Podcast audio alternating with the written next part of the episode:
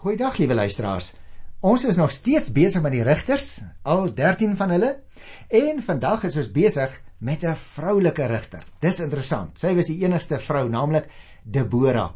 As jy 'n Bybel voor jou het, sal jy sien die verhaal is opgeskrywe in die boek Rigters, hoofstuk 4 en 5. En ek gaan albei daardie hoofstukke vandag behandel in hierdie een program. Jy sal vra, hoe is dit moontlik want ons nog al lang hoofstukke? Omdat ons die weergawe, die historiese weergawe kry in Rigters 4, maar dan kry ons in hoofstuk 5 'n lied oor dieselfde gebeure. Met ander woorde, dit is eintlik 'n poëtiese beskrywing. Nou ons weet nou al as ons met digterlike materiaal of 'n stuk poësie of 'n lied te maak het, dan is elke woordjie daarin nie noodwendig letterlik bedoel nie. Dit is 'n bepaalde stylvorm Met ander woorde 'n bepaalde literatuursoort wat soms goed op baie plastiese maniere sê, wat soms goed op nie letterlike nie maniere sê. En daarom gaan ek uh, redelik baie aandag gee aan die 4de hoofstuk, maar baie kortliks oor die poëtiese beskrywing wat ons in hoofstuk 5 kry. Oorsigtelik wil ek net eers 'n klompie opmerkings maak oor die situasie rondom hierdie persoon, die regter Barak. Want jy sien, hierdie gebeure word nou op eerstens op twee maniere weergegee, naamlik die historiese gedeelte wat ek nou net verduidelik het en dan 'n poëtiese gedeelte. Nou wat die historiese gedeelte betref, in hierdie vertelling word die tema van val en opstaan weer eens gebruik. Want jy sal nou al weet, dit is eintlik die tema in elkeen van die rigters se optrede. Hoe dat hulle die volk bevry van 'n vyand en hoe dat Sodra die rigter nie meer optree nie of hy sterwe, dan dwaal die gelowiges weer af. En hierdie patroon is nou al reeds aan ons elkeen baie goed bekend. Israel doen wat verkeerd is en die Here laat hulle deur 'n vyand verdruk. Israel roep die Here om hulp en hy stuur vir hulle 'n redder. 'n Tyd van vrede breek aan voordat Israel maar weer begin verkeerd doen. En hierdie keer stuur die Here vir hulle die vroue rigter Debora tussen hakies. Debora was 'n leier wat as profeet en as regter in Israel opgetree het. Sy het sy het eintlik dus ook 'n dubbele funksie gehad. Ek wil ook nog net dit sê, liewe luisteraar, as 'n mens nou dink oor hierdie rigters, oor hulle val en opstaan, dan is dit amper soos jou en my lewe elke keer. Die Here tel ons elke keer op. Hy reël soms dat daar mense is of instansies wat ons optel, terug te roep na hom toe en dan val ons jou waarlik weer terug. Ons kry dis eintlik maar in die boek Rigters se verhaal van jou en my eie lewe. Nou in die gebeure wat ons hier gaan lees, speel twee vrouens eintlik die sleutelrol. Debora sit die oorlog teen Israel se onderdrukker aan die gang wanneer sy Barak opkommandeer om teen Jabin se leer onder aanvoering van ene Sisera te gaan veg. Die ander vrou nou in die gebeure, die eintlike held van die redding, was 'n vrou met die naam van Jael. Hoor haar naam? Jael. Die Here is God. Interessant ook, sy was nie uit Israel nie, maar uit die Keniete. Ironies genoeg is haar rol in die gebeure om telkens iets weg te neem by twee manlike hooffigure in hierdie gebeure. By Barak byvoorbeeld neem sy die eer weg wat hy hom daarop sou kon beroem dat hy Sisera verslaan het. By Sisera vat sy die lewe weg. Jy sien, in meer as een opsigte doen Jael presies wat Ehud, die rigter wat ons in Hosea 3 vanaf vers 12 af bespreek het, gedoen het. By beide Ehud en Jael word 'n vyand van Israel vermoor. Al twee van hulle is sluipmoordenaars wat iemand in die geheim doodmaak. By albei ook word 'n wapen gebruik wat in die slagoffer se liggaam ingedryf word. Ons gaan nou nou die verhaal lees. In albei gevalle is daar geen ooggetuies van die moord nie. Slegs 'n lijk wat na die tyd gevind word. Klink amper na 'n speur en 'n moord veral in ons eie tyd nie waar nie. In albei insidente is die held van die gebeure 'n totale verrassing omdat dit iemand is van wie niemand dit verwag het nie. Net soos in die vorige rigter Samgar se geval, daarnoos 3 vers 31, gebruik Jael iets vir 'n wapen wat normaalweg nie gebruik is om mense mee dood te maak nie. Nou hierdie vertellinge, liewe luisteraars, sluit doelbewus aan by die vorige vertellings oor Ehud en Samgar. Dit sê weer eens vir ons iets oor die manier waarop God werk en ook oor die mense wat hy in sy diens gebruik. Jael staan hier byvoorbeeld in kontras met Barak. Barak wou voorwaardelik doen wat die Here deur Debora vir hom beveel het. Maar sy traagheid het hom die eer gekos wat hy ontvang het as hy gehoorsaam was en sonder voorbehou teen Jabin en Sisera gaan veg het.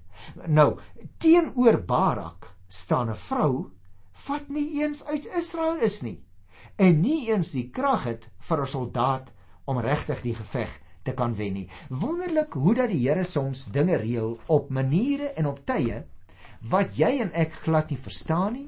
Hoe hy soms mense gebruik in situasies wat ons ook glad nie verstaan nie. Nou kom ons kyk so bietjie na hierdie verhaal en ek gaan uit die aard van die saak dit net so hier en daar uh, dit in detail bespreek. Kom ons lees die eerste 4 verse in Rigters 4. Na Ehud se dood het die Israeliete weer gedoen wat verkeerd was in die oë van die Here. Die Here het hulle oorgegee in die hand van die koning Jabin van Kanaan wat in Hasor geregeer het. Sisera, nou sy kom nou weer uit 'n ander dorp, was die hoof van Jabin se weermag. Hy het 900 strydwaans gehad en hy het die Israeliete 20 jaar verdruk. Daarom het hulle tot die Here geroep om hulp. Jy sien is weer eens die vorige patroon. In daardie tyd was Debora, die vrou van Lapidot, die leier van die Israeliete. Sy was 'n profetes. Nou is interessante goed wat ons hier lees.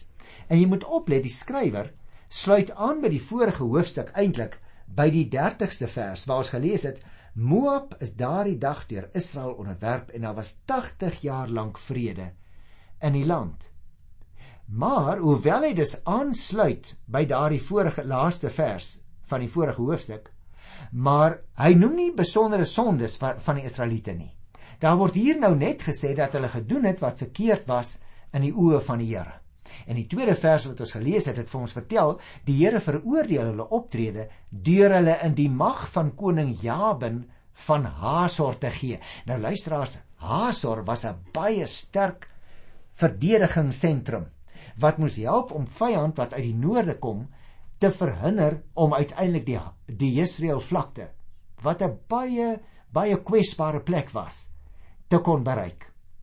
Joshua sal jy onthou, het reeds 'n koning Jabin verslaan in die stad Hasor verbrand destyds. Ons het dus hier moontlik te doen met 'n ander koning wat dieselfde naam gehad het. Ons weet nie regtig nie. Jabin word hier bloot genoem die koning van Kanaan. Nou die Kanaaniete kan 'n mens nie as een enkele groep beskou nie sodat die titel vir hom dus 'n erenaam was. Met ander woorde, hy het heel waarskynlik oor 'n kleiner subgroep geregeer maar hy tree hier op rondom die gesamentlike leers van die konings wat onder hom of saam met hom uh, verslaan moet word. Nou is dit wel bekend dat die koning van Hasor inderdaad so onder die mense van sy tyd bekend was. Ons lees die hoof van Jabin se weermag was Sisera. Nou interessant luisteraar, Sisera was ook 'n nie-semitiese naam. En hy, hierdie man Sisera was 'n man staan hier uit Garoset Goyim. Jy sal vra, nou waar was die stadjie? Nee, ongelukkig kan ek nie antwoord nie want ons weet nie vandag meer presies waar die ligging presies was nie. Maar dit was moontlik noordwes van Megiddo. Nou die derde vers wat ek gelees het, is ook interessant want hy het 900 eysterwaans gehad.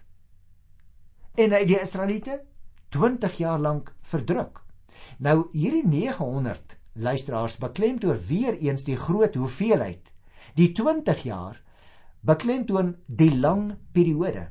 Ek dink nie ons hoef noodwendig uh die twee syfers hier vir die getal strydwaans 900 in die 20 jaar wat uh, verloop het noodwendig letterlik te neem nie. Dit kan bloot 'n vertelvorm wees in die verhaal en daarom hoef ons ons nie baie daaroor te bekommer nie. Maar interessant, as dit nou by Debora kom, in daardie tyd vers 4 was Debora die vrou van Lapidot, die leier van die Israeliete. Daar's geleerdes, weet jy, van die Ou Testament wat oordeel dat Lapidot die naam van 'n stad in Bo-Galilea was. Ons weet nie regtig nie. Debora nietemin was 'n leier wat regspraak beoefen het en daarbey was sy ook 'n profetes. Dit lees ons aan die einde van die 4de vers. Sy was dus geroepe om met gesag in die naam van die Here uitsprake te gee. Sy was 'n erkende leier op elke terrein, sou wou sê. Met ander woorde die die uh, verteller begin die verhaal dat ons moet weet sy was nie 'n onbekende nie. Anders as die meeste van die ander leiers, was sy iemand wat baie bekend was. En nou baie interessant hier in die 5de vers, sy het altyd onder die Debora palm in die Efraimsberge tussen Rama en Bethel gesit. En daarheen het die Israeliete daar gekom dat sy kon regspraak gee. Nou as 'n mens na daai plekke kyk, dan beteken dit sy het in die suide van die gebied van die 10 stamme gewoon en gewoonlik by die Debora palm tussen Rama en Bethel gesit. Ek het al vir jou van tevore gesê mense kry dikwels in die Ou Testament veral die hele uh, wat ons in Afrikaans noem in Afrikaans noem die verskynsel van etiologie dat 'n plek vernoem word na gebeure wat daar plaasgevind het. Jy onthou ons het al so 'n plek gehad van tevore en hier hoor ons nou van die Debora palm. Hoekom? Omdat sy daar gesit en regspraak uitoefen het. Daar is dus eintlik niks vreemds aan die uitspraak nie. Ons het dit al teëgekom. Nou lees ons hier van die 8ste vers af. Barak het haar geantwoord: As u saamgaan, sal ek optrek. Maar as u nie saamgaan nie, gaan ek ook nie. Sy het vir hom gesê: "Goed. Ek sal saamgaan, maar jy sal nie die eer vir die veldtog kry nie. Die Here sal vir Sisera aan 'n vrou uitlewer." Toe het Debora klaar gemaak en saam met Barak na Keres toe gegaan. En Barak het vir Sebulon en Naphtali daarin ontbied. 10000 man het vir Barak gevolg en Debora het saam met hom opgetrek. Nou kom ons gesels eers 'n bietjie hieroor. Want jy sien Barak het nie genoeg God se vertroue gehad nie. Nou op sy versoek willig Debora nou in om saam met hom te gaan. Maar sy sê hom baie duidelik: "Die eer vir die oorwinning sal nou aan 'n vrou gegee word. Hulle gaan nou nie meer die geskiedenis van Barak onthou nie. Hulle gaan vir Debora onthou. hy het seker nie baie daarvan gehou nie, maar wat kon hy nou doen? Hierdie vrou was 'n vrou van aansien. In ons tyd kan ons dit verstaan, maar destyds moes dit 'n baie vreemde verskynsel gewees het, hierdie sterk vrou wat daar oor Israel as regter optree. Nietemin, die 11de vers sê in daardie gebied was daar 'n man met die naam van Geber, 'n keniet uit die nageslag van Moses se skoonpa. Geber het weggetrek van die Keniete af, tent opgeslaan by die groot boom naby Kedes. Nou dis ook vir ons interessant, want met die oog op vers 17 wat ons nog gaan lees, word ons nou voorgestel aan 'n Keniet. Hy en sy familie, dis nagie sommige meen dat hulle 'n aansienlike groep Keniete was wat hier gewoon het. Nietemin, hy en sy familie het noordwes getrek en hulle by Sa'amim gevestig. Dit was daar naby die omgewing van Kedes Naftali. En nou begin die verhaal momentum kry. Vers 12 sê daar is aan Sisera vertel dat Barak opgetrek het. En Sisera toe het sy 900 strydwaens gelei en al sy manskappe het hy na af laat afkom na die Kison spruit toe. En nou kan jy verstaan, nou begin die poppe dans in daardie omgewing, want Sisera bly op die hoogte van Barak se troepebewegings en hy monster sy maagde met sy strydwaens wat makliker op die vlakte kan beweeg. Ah, dit is baie goeie strategie wat ons nou hiervan lees. En dan werk dit so uit luister na vers 15.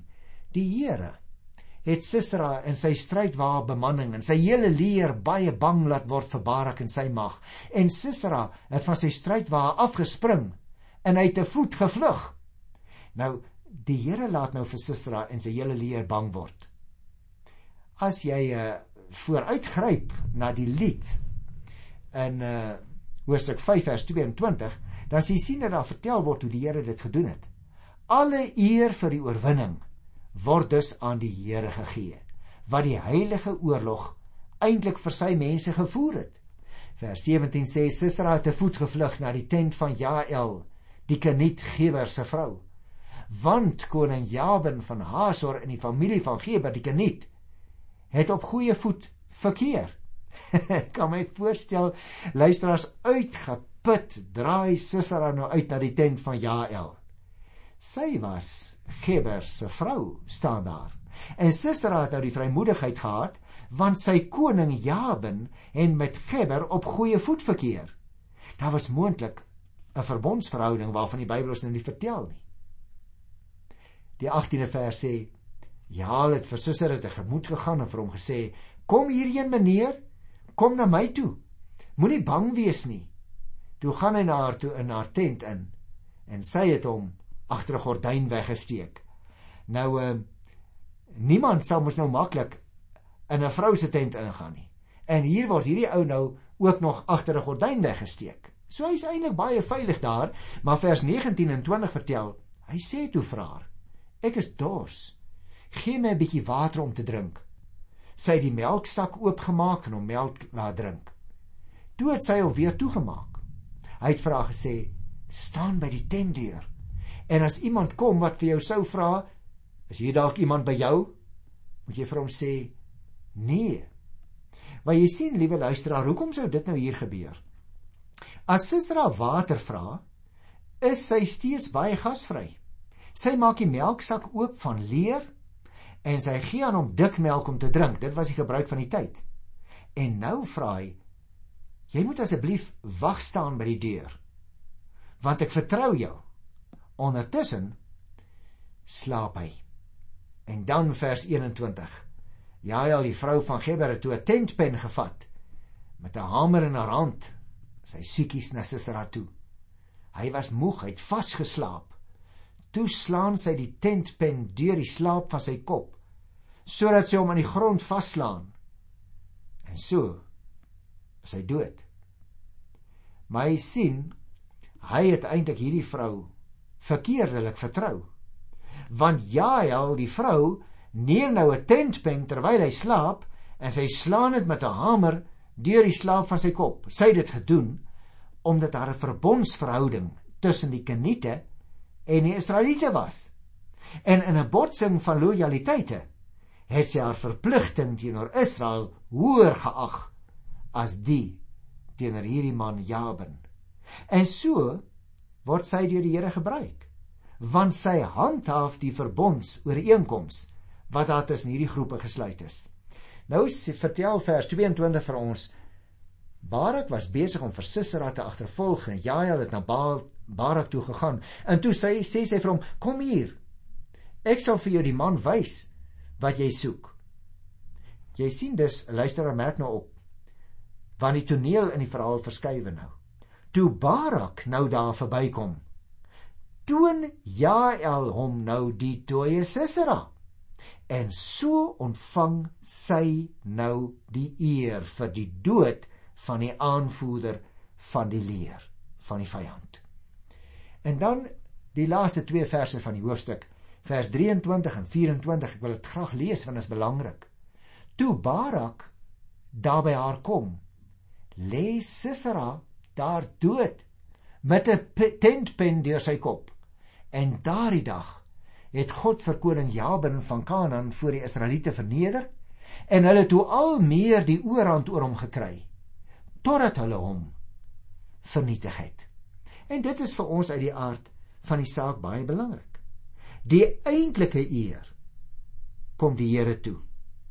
God gee al hoe meer eer staan daar aan Israel aan die vermoë om die mag van koning Jabin te vernietig. Die tydperk van rus wat nou aangebreek het, sal eers vir ons genoem word in Hosea 5 vers 31.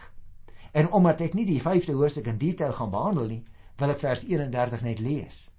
Mag al u vyande so omkom, Here, mag die wat vir u liefhet, wees soos die son wat in sy volle krag skyn.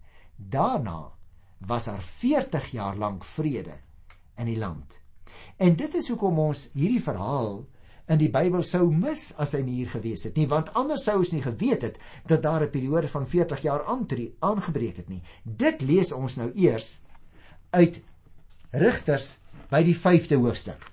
En by die begin van die program het ek vir jou gesê ek wil al twee hierdie hoofstukke eintlik in hierdie een program behandel omdat hulle 'n een eenheid vorm. En daarom wil ek nou 'n paar opmerkings maak oor hierdie digterlike beskrywing van die gebeure wat ons nou bespreek het uit hoofstuk 4.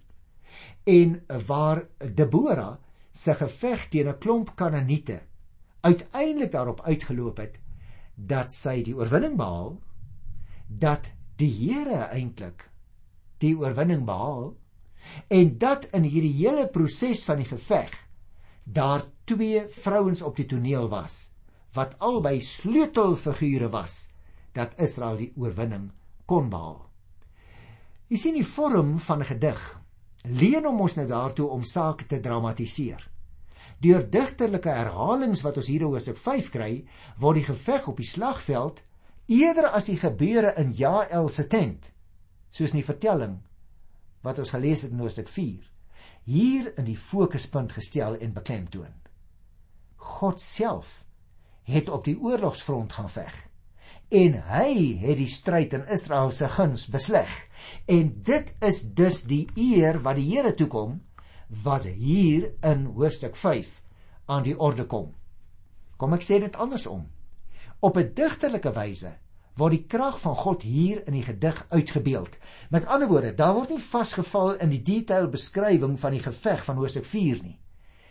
Die lied word gesing Die fokus word reggestel na die vertelling. Die eer kom aan die Here toe en daarom is die lied wat Mosek 5 gesing word 'n lied van die triomf van die Here. Daar word met ander woorde in hierdie digtelike taal verwys na die hemelliggame en die vloedgeweld byvoorbeeld wat die Here ingespan het om mee te veg. Hy het met groot mag op die toneel verskyn en na die front toe opgetrek. Debora en al die vrywilligers uit Israel het hulle by die Here aangesluit om saam met hom te gaan veg. In die verwoestende geveg wat toe daarop gevolg het, het die natuurmagte saamgeveg en is die vyand op loop gejaag onder die dawerende hoefslae van die perde. Hoe Sisera toe aan sy einde gekom het, word dan op 'n dramatiese manier uitgebeeld ook hier in die lied. En daarom wil ek dit tog graag vir jou lees Miskien sal ons sê, "O, maar dis hom so bietjie oordrewe," maar onthou nou, dit is poesie. Ek gaan daarmee afsluit, luister hierna. Dis Rigters 5 vers 24 tot 27. Geseënd is Jael, vrou van Gebed die Keniet. Meer geseënd is al die vrouens, die vrouens wat in tente woon. Sisera het water gevra, sy het hom melk gegee. In 'n koningsbeker het sy vir hom dik melk gegee. In haar hand het sy die tentpen vasgevat en haar regterhand die werksman se hamer. Sy het vir Sisera daarmee getref, sy kop opgeslaan. Sy het die slaap van sy kop verbrysel, dit deurboor. By haar voete het hy neergesak, geval en bly lê. By haar voete het hy neergesak en geval. Waar hy neergesak het, het hy geval, mors dood. Jy sien liewe luisteraar, dit is mos nou niks anders nie as 'n dramatiese beskrywing van die vertelling wat ons in hoofstuk 4 gehad het. Dit wys vir ons hoe dat die Bybel hier twee stylforme. Die een in hoofstuk 4 is 'n vertelling. Die ander stylvorm in hoofstuk 5 is 'n stuk poësie of 'n lied. Die twee sluit by mekaar aan om vir ons 'n vollediger prentjie te gee. Die pathos van Sisera se ma wat te vergeef sit te wag dat hy moet terugkom, wat glad nie in die vertelling in die 4de hoofstuk genoem word nie. Dit word beklemtoon volledig hier in hoofstuk 5 in die stuk poësie vers 28 tot 30. Die gedig het begin in die eerste 3 verse en dit eindig in die 31ste vers met 'n lofprysing tot God wat so roemryk opgetree het op die slagveld. Daarom wil ek vir jou vers 31 lees. Mag al u vyande so omkom, Here, maar mag die wat vir u liefhet wees soos die son wat in sy volle krag skyn. Jy sien liewe luisteraar, die tema van die gedig is dat die Here die een is wat die oorwinning gee. Die oorwinning van die Here en die wat saam met hom gaan veg het, word hier digtelik besing. Die gedig word dus eintlik 'n loflied op die lippe van almal wat aan die Here behoort oor hoe groot en hoe goed die Here is vir sy mense. En broer en suster, ons as Nuwe Testamentiese gelowiges vind dus hierby aanklank. Ons wil ook hierdie lied sing. Ons wil sê die oorwinning in alles wat ons doen, of dit op die strydveld is, of dit op die slagveld van die lewe is, die oorwinning kom altyd alleen van die Here. Daarom leef in die krag van die Gees. Ek groet jou tot volgende keer in die naam van die oorwinnaar Jesus Christus, ons aanvoerder. Tot dan. Totsiens.